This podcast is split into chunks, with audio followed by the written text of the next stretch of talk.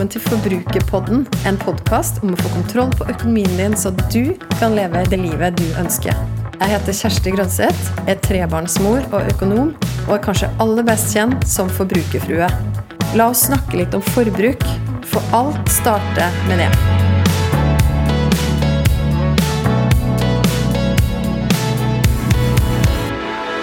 Warren Buffett en av verdens mest kjente investorer, ble 90 år nå på søndag, og han dukka opp i feeden min på Instagram. Snakk om inspirerende person, som ikke bare er den sjuende rikeste personen i verden. Han har også tenkt å gi bort 99% av formuen sin. Formuen hans er på 79 billion US dollars, nesten 700 billioner kroner, eller 700 000 milliarder. Jeg måtte faktisk google hva heter tall med tolv nuller. Jeg tror aldri jeg har snakka om billioner kroner før. Hvis du har tenkt å bli rik, har du jammen tuna inn på riktige episoder av Forbrukerpodden, for her snakker vi store summer. Du har kanskje skjønt allerede at Mr. Warren Buffett er en stor fan av budsjett. Han er faktisk så stor fan av det at det utgjør mye av kjernen i hans suksesshistorie. Og her er greia. For å bli rik så er det to ting som gjelder. Nummer én du følger et jevnt og bærekraftig budsjett over tid, som betyr at du aldri bruker mer enn du har. Og nummer to at du sørger for å sette av noe av inntekten din til investering over lang tid. Så enkelt, og likevel så vanskelig. Ikke det tekniske, nei, for du vil bli overraska over hvor lett det er å sette opp et budsjett som du kan leve etter.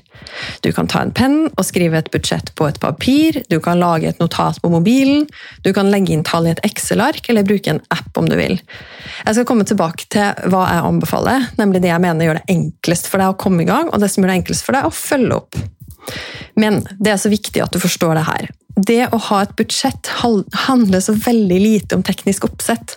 Det handler først og fremst om en tankegang, det handler om vaner, det handler om følelser. Og apropos det å bli rik. La meg bare slå fast en gang for alle at det ikke er begrensa av hvor mye du får inn på konto hver måned. Du trenger ikke å tjene mest for å få til å bygge mest over tid. Faktisk er det ganske mange som tjener mye, og gjerne de som får økt lønn over tid, som tillater seg å bygge opp en livsstil som blir dyrere i takt med at lønna øker. På fint kalles det gjerne livsstilsinflasjon.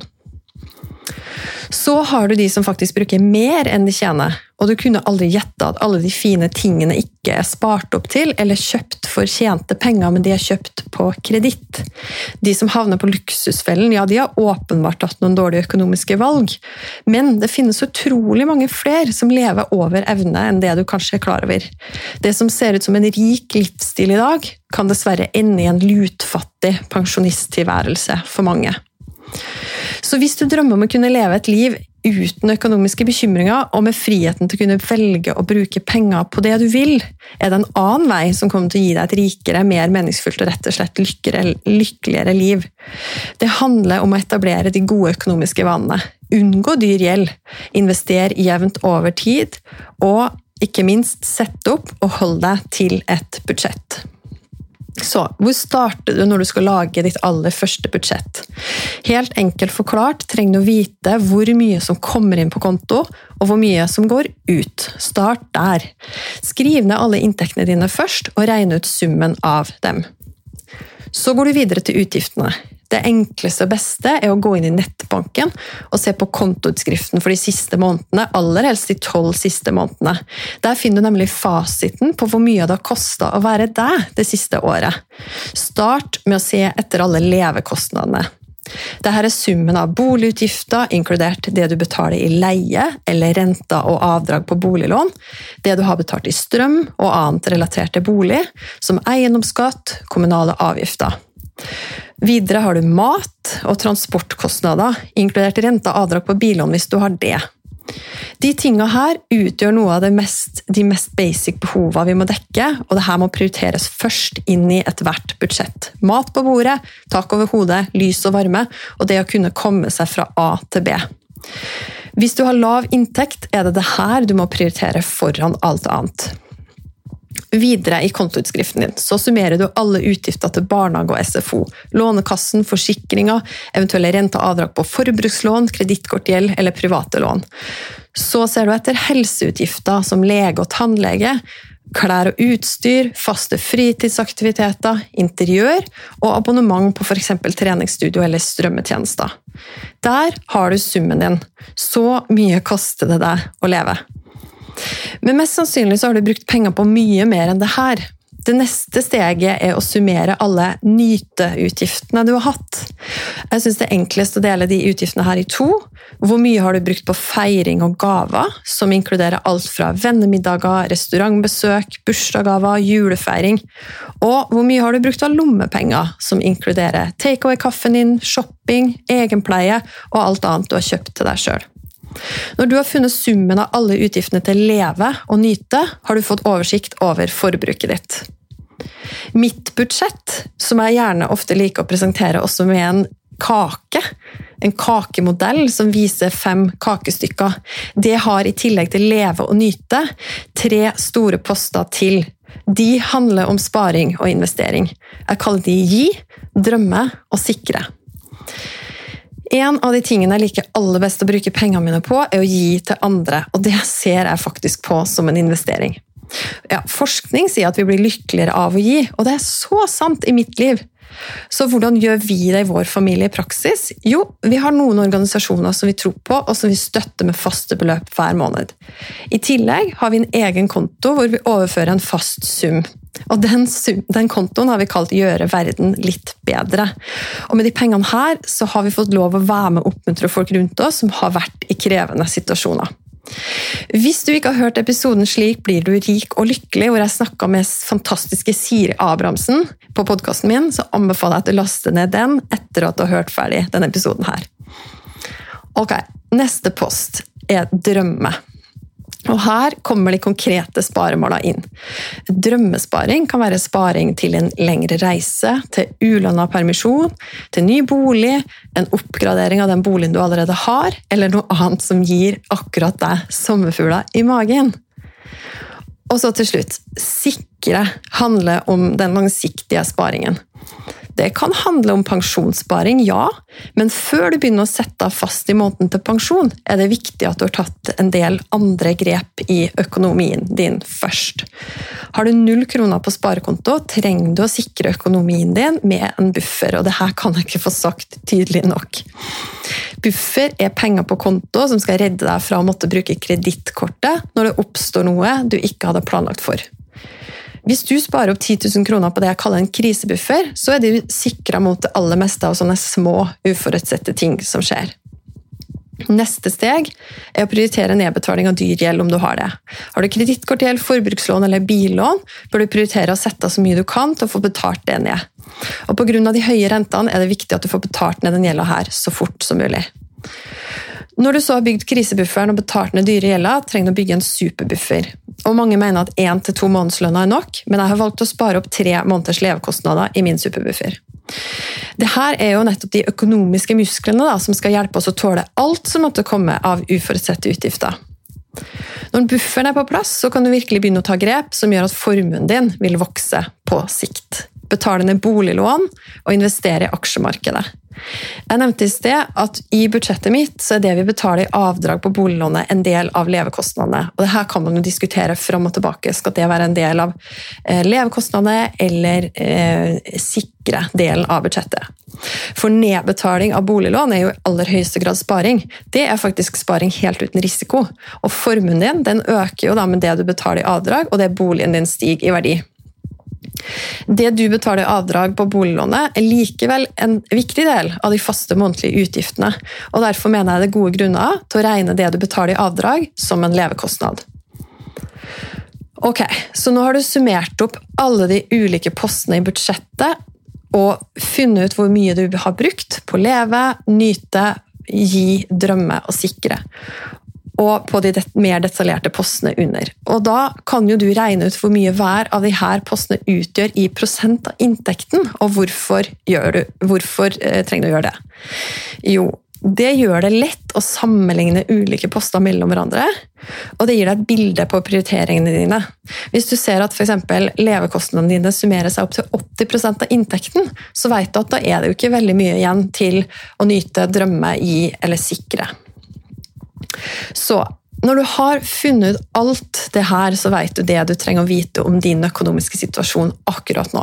Neste steg i budsjettet ditt er jo da å bestemme deg for hvor mye du ønsker å bruke på de ulike postene. Hvilke levekostnader kan du kutte, og hvor mye av nyte er sløsing som du egentlig ikke, bruker, egentlig ikke ønsker å bruke penger på? Ønsker du å sette av penger til å gi til noe konkret? Trenger du å begynne å spare opp en buffer, eller betale ned mer på lån? Eller er du klar for å begynne å investere langsiktig i aksjefond? Kanskje du vil spare til en helt konkret drøm. Sett deg et mål for hver eneste post i budsjettet. Tenk gjennom hvor mye du ønsker å spare og investere, og hva du er motivert til å kutte ned på av forbruk. Og Det er på dette punktet at det kommer til å bli veldig tydelig for deg at det er en sammenheng mellom hvor mye du bruker i dag, og hvor mye du klarer å sette av til å sikre økonomien din framover. La meg ta et konkret eksempel. Hvis du har en krisebuffer på 10 000 kroner i dag og ønsker å spare opp en superbuffer på 50 000, så må du jo spare 40 000 til. Hvis du setter av 5000 ekstra i måneden til buffer, vil du ha nådd målet ditt på åtte måneder. Og For å klare å nå det målet her, da, kun med den jevne månedlige sparingen, så må du jo kutte utgiftene dine tilsvarende med 5000 i måneden. Og når du har klart det, da har jo du blitt vant med å bruke 5000 mindre i måneden. Og etter de åtte månedene da, med sparing til superbuffer, så kan det beløpet her brukes til å betale ned ekstra på boliglånet eller investeres i aksjefond. Så enkelt og så vanskelig er det. Sparer du 5000 i måneden i aksjefond med en avkastning på 4% de neste 30 åra, vil beløpet vokse seg til over 3 millioner før skatt og uten å ta hensyn til inflasjon bare fordi du bestemte deg for å få oversikt og sette opp et budsjett. Det er ganske wow. Men kutte 5000 i forbruket i måneden, det høres kanskje veldig dramatisk og litt uoppnåelig ut, eller? Ok, Sjekk først hvilke faste utgifter du kan spare på, som renta på boliglånet, Veldig mange av dere har jo allerede vært inne på finansportalen.no og sjekka der under deres boliglån på og lagt inn dine opplysninger der på egenkapital og boligverdi og nedbetalingstid, alder, for å, og så har du da fått opp hvilke renter kan du få, og hva er den beste renta du kan få i hvilken bank. Men har du ikke tatt den sjekken ennå, så er det så lett. Det er bare å klikke seg inn på finansportalen.no og finne der det står boliglån. og Så legger du inn alle disse opplysningene, så ser du ok, jeg kunne faktisk fått en bedre rente hos en annen bank. Og det er ikke så fryktelig hassle å bytte bank hvis du da ser at du kunne fått mye bedre betingelser hos en annen bank. Det første du gjør, er jo selvfølgelig å ta det du finner på Finansportalen og går til din egen bank, den du har i dag, og spør om de kan matche. Um, ja. Og hvis de, ikke, hvis de sier nei til det, da, du, da vurderer du seriøst om det vil lønne seg for deg å bytte bank. Ok, Så det var renta. Og så er det jo strøm. Der er det jo også smarte grep du kan gjøre for å sammenligne priser på strøm. Strompris.no, som er Forbrukerrådet sin egen portal for nettopp dette. Forsikringer. Der kan du jo eh, spare mye på å samle forsikringene hos eh, ett selskap. Du kan også gå inn på tjenestetorget.no, som er en tjeneste som sammenligner forsikring for deg. Og så er det det her med abonnement og få en full oversikt over alle abonnement du har på eh, AppStore, iTunes, strømmetjenester, hvilke, om du har Netflix, HBO Alle disse tingene her, og musikk, ikke minst. altså Sjekk hva du har, og om du egentlig trenger alt det som du driver og abonnerer på, som du kanskje ikke tenker over at bare trekker 250-300 kroner fra kontoen din hver eneste måned. Så bli oppmerksom på hva du trenger, og kvitt deg med resten. Yes, og bare de grepene her alene, da, det vet jeg basert på bare det med å sjekke renta, så er det jo flere av dere som har sagt til meg at dere har spart titusenvis av kroner i året. Som jo utgjør faktisk også en del i måneden. Ok, Så det neste, det er mat. Og hvor mye tror du du kan spare på å bare planlegge litt mer, lage maten fra bunnen og bruke opp alt du kjøper? Sett deg et konkret mål på matbudsjettet ditt, som gjerne er litt ambisiøst. Det gjør at du må være kreativ og kanskje bli tvunget til å tenke litt nytt. Her kan det være nyttig å bruke f.eks. SIFO-budsjettet som utgangspunkt. Hvis du googler SIFOs referansebudsjett, så kommer du inn på en kalkulator hvor du kan legge inn dine opplysninger og få en referanse på hvor mye det er vanlig å bruke på f.eks. mat og andre dagligvarer. Klær og utstyr er typisk en annen post. Det kan være mye å spare på, men som kan også være litt krevende å budsjettere. Særlig hvis man er en familie hvor det jo oppstår behov for nettopp klær og utstyr litt sånn løpende. Og vi prøver i hvert fall i vår familie å planlegge så godt vi kan. Også eh, foran hver sesong så tar vi og gjør en liten sånn inventarsjekk på hva vi har av klær og utstyr, og hva vi Eh, hva vi trenger, og hva vi da kan kjøpe brukt, og hva vi må kjøpe nytt. Er det noe vi skal kjøpe nytt som er litt stort, så legger vi gjerne inn et prisvarsel på type prisjakt eller andre sammenligningstjenester. Eller du kan legge inn, hvis du skal kjøpe det brukt, så kan du også legge inn autosøk på Finn. Og innenfor klær- og utstyrbudsjettet så kan det jo være greit å tenke gjennom da hvor mye du ønsker å sette av til også sånne småting, som dattera mi måtte akkurat nå ha en ny ringeklokke på sykkelen sin, f.eks. Ja, sønnen min må få seg en ny sykkelhjelm, altså sånne ting. Eller det kan være batteri til noen leker de har, eller noe annet utstyr. altså Alle mulige sånne ting. Tenk gjennom for å få et realistisk budsjett som du kan bruke. Og, men, men, på de store tingene, eh, planlegg det godt, så kan du gjøre noen gode dealer. Du kan også ønske deg sånne ting i gave. Det pleier vi å gjøre. Jeg har også veldig tro på å sette en konkret sum på det med feiring, gaver og lommepenger. Og jeg synes Det er vanskelig å gi noen fasit på hvor mye du skal sette av til det her, men du kan jo prøve å regne på det. Hvor mange store feiringer har dere i familien? Hvor mange bursdager går barna i løpet av et år, og hvor mye kjøper dere gaver for? Hvor mye bruker dere på gaver til jul?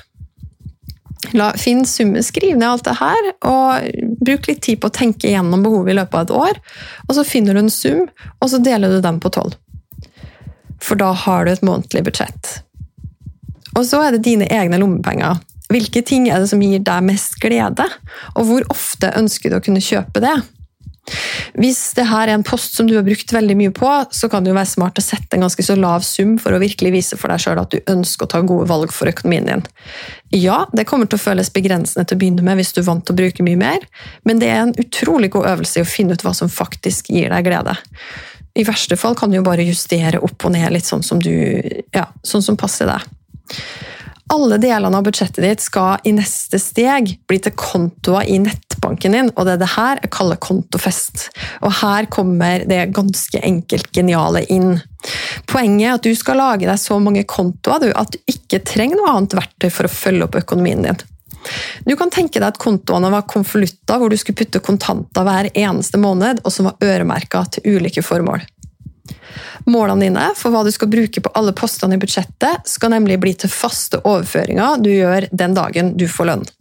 Lønningsdag, hva betyr det? Jo, det betyr fest i nettbanken når alle pengene fordeles til de ulike postene og formerne som du har bestemt.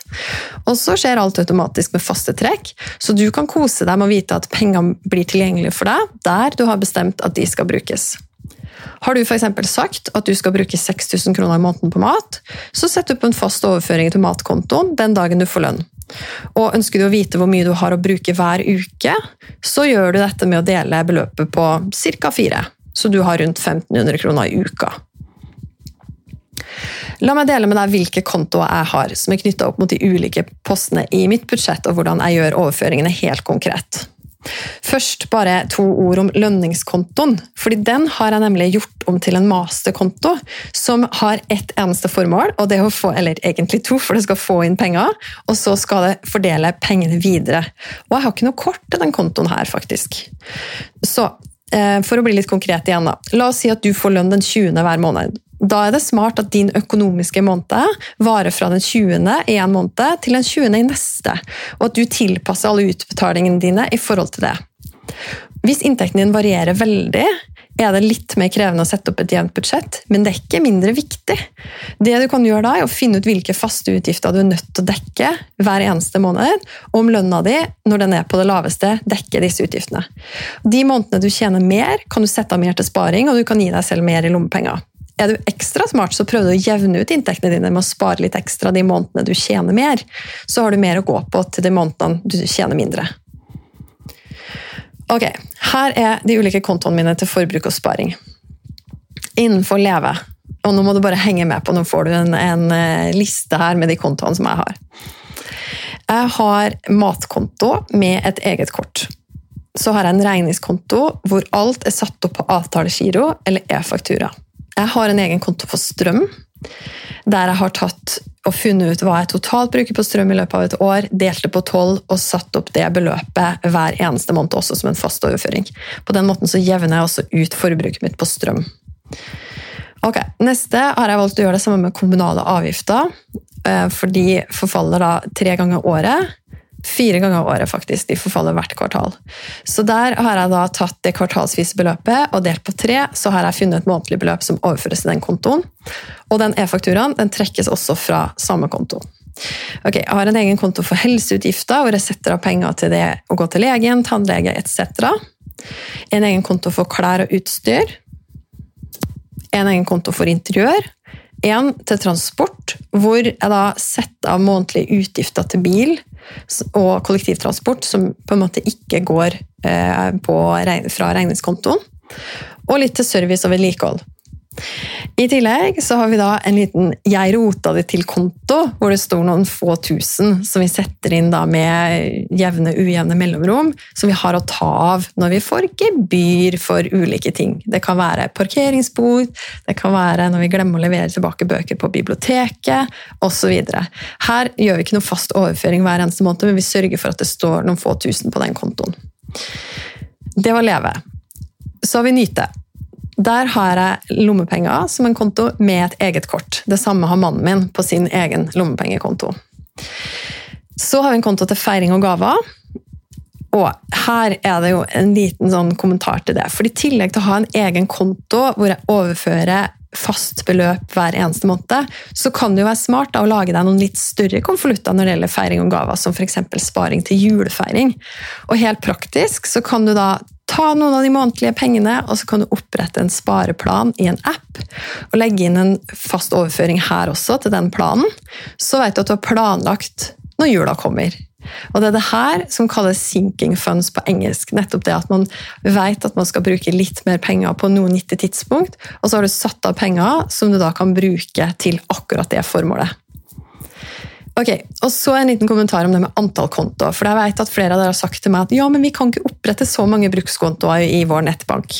Og Hvis du har begrensninger på det, eh, på antall brukskontoer som du kan opprette i din nettbank, da ville jeg prioritert som følgende. Det er seks kontoer. En, jeg ville hatt en masterkonto der lønna kommer inn, uten kort. To, jeg ville hatt mat, en matkonto med eget kort. Tre, regningskonto som inkluderer da, kommunale avgifter og alt av transport. Nummer fire vil jeg hatt en egen konto for strøm, i og med at det er en såpass stor utgift, og den varieres veldig, så det er fint å følge opp den helt spesifikt. Fem, da ville jeg hatt en nytekonto med et kort som dekker både feiring og gaver og lommepenger. Og den sjette kontoen jeg ville hatt, var en som var felles for alt av helse, klær, utstyr og interiør. Så seks kontoer totalt, altså. Innenfor Gi så har jeg en konto som heter Gjøre verden litt bedre, som jeg nevnte i sted. Innenfor Drømme så har jeg da egne sparekontoer eller spareplaner med navn på den konkrete drømmen som jeg da overfører til. Og innenfor Sikre så har jeg da en bufferkonto som nå er en full superbuffer som står på en plasseringskonto, som jeg kan bruke fra når noe uforutsett skjer, og som jeg da kan fylle opp igjen til den har tre måneders levekostnader til enhver tid. Det er målet mitt på den. I tillegg til det så har jeg aksjesparekonto med flere aksjesparekontoer, én til hvert av barna, én til pensjon. Med faste månedlige trekk til den best langsiktige sparingen. Og faste månedlige avtaler, da, spareavtaler i aksjefond. Ok, Så hvordan følger du opp alt det her i praksis? For det kan jo høres litt overveldende ut, og nå håper jeg du har tatt masse notater underveis.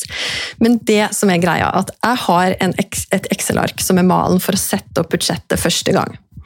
Og etter det, så, eh, og når jeg har satt opp kontofest og satt opp alle kontoene og alle overføringene, så det jeg gjør da av oppfølging, det er ganske enkelt å følge opp saldoen på kontoen min kontoene mine. Det gjør jeg jevnlig, minst én gang i uka, for å vite hvordan jeg ligger an og hvor mye penger jeg har å bruke. Og I det daglige så bruker jeg lommepengekortet til alt av innkjøp som ikke er mat. Og så overfører jeg fra de andre kontoene alt etter hva jeg skal kjøpe. Skal jeg f.eks. kjøpe en ny plante, så overfører jeg beløpet fra interiørkontoen til lommepenge, som jeg gjør selve transaksjonen med. Og det her Excel-arket det oppdaterer jeg egentlig kun ved endringer i inntekter eller utgifter. Og jeg fører ikke noe regnskap over hva jeg har brukt. eller noe sånt. Så jeg bruker ikke mye tid på oppfølging. Jeg bare sørger for at jeg får satt av penger til å gi, drømmer om å sikre, altså det som er viktig for meg, både nå og på lang sikt. Og så passer jeg på å aldri gå i null på de ulike brukskontoene. Og med den enkle oppskrifta her kan du faktisk bli rik ja, over tid. Den godeste Warren Buffett igjen har sagt Good things take time, and everyone has to start somewhere. Start med budsjett i dag, og gå en lys framtid i møte. Og som vanlig, hvis du har spørsmål eh, til denne episoden her Her var det masse, masse detaljer om hvordan du kan sette opp et budsjett og følge det opp. Hvis du har spørsmål om noe som helst i, av innholdet i denne episoden, så blir jeg så glad for at du sender meg en melding, enten på heietforbrukerfrue.no, eller på innboksen min på eh, Instagram. Der finner du meg som Forbrukerfrue så ønsker jeg deg masse lykke til. Gi meg en lyd hvis jeg kan hjelpe deg også å sette opp ditt første budsjett. Ha en fantastisk dag.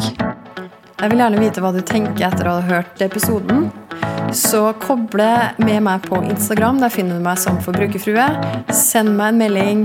Tagg meg gjerne i Story og del episoden her hvis du likte den. Eller send meg spørsmål. Og husk å abonnere på podkasten Forbrukerpodden, så får du beskjed hver gang det kommer en ny episode. Vi høres!